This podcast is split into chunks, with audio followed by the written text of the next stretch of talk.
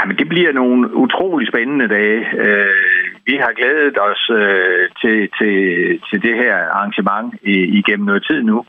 Øh, også fordi øh, vi i august måned, der havde vi jo de her problemer med, at der var nogle af, af de største spillere, stjerner, der, der ikke dukkede op.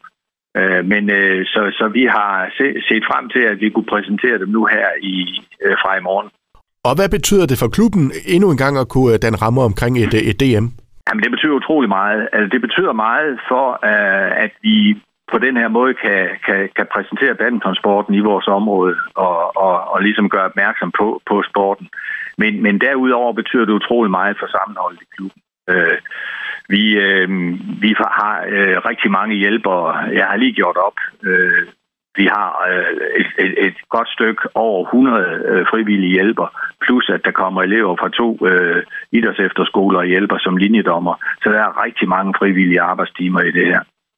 Øh, og det betyder jo altså, at, øh, at øh, internt i klubben, jamen der får vi et, et, et langt, langt større fællesskab og sammenhold øh, via det at stå for sådan et arrangement. Og så venter der garanteret nogle travle dage forud nu? Ja, altså det er klart, vi, øh, vi finder ud af, hvordan Blue Water Doggen ser ud, både forfra og bagfra, han har sagt. Øh, der er vi derinde 24-7, indtil det er færdigt lørdag aften sent. Hvis man godt kunne tænke sig at opleve det her, er det en, en mulighed for publikum?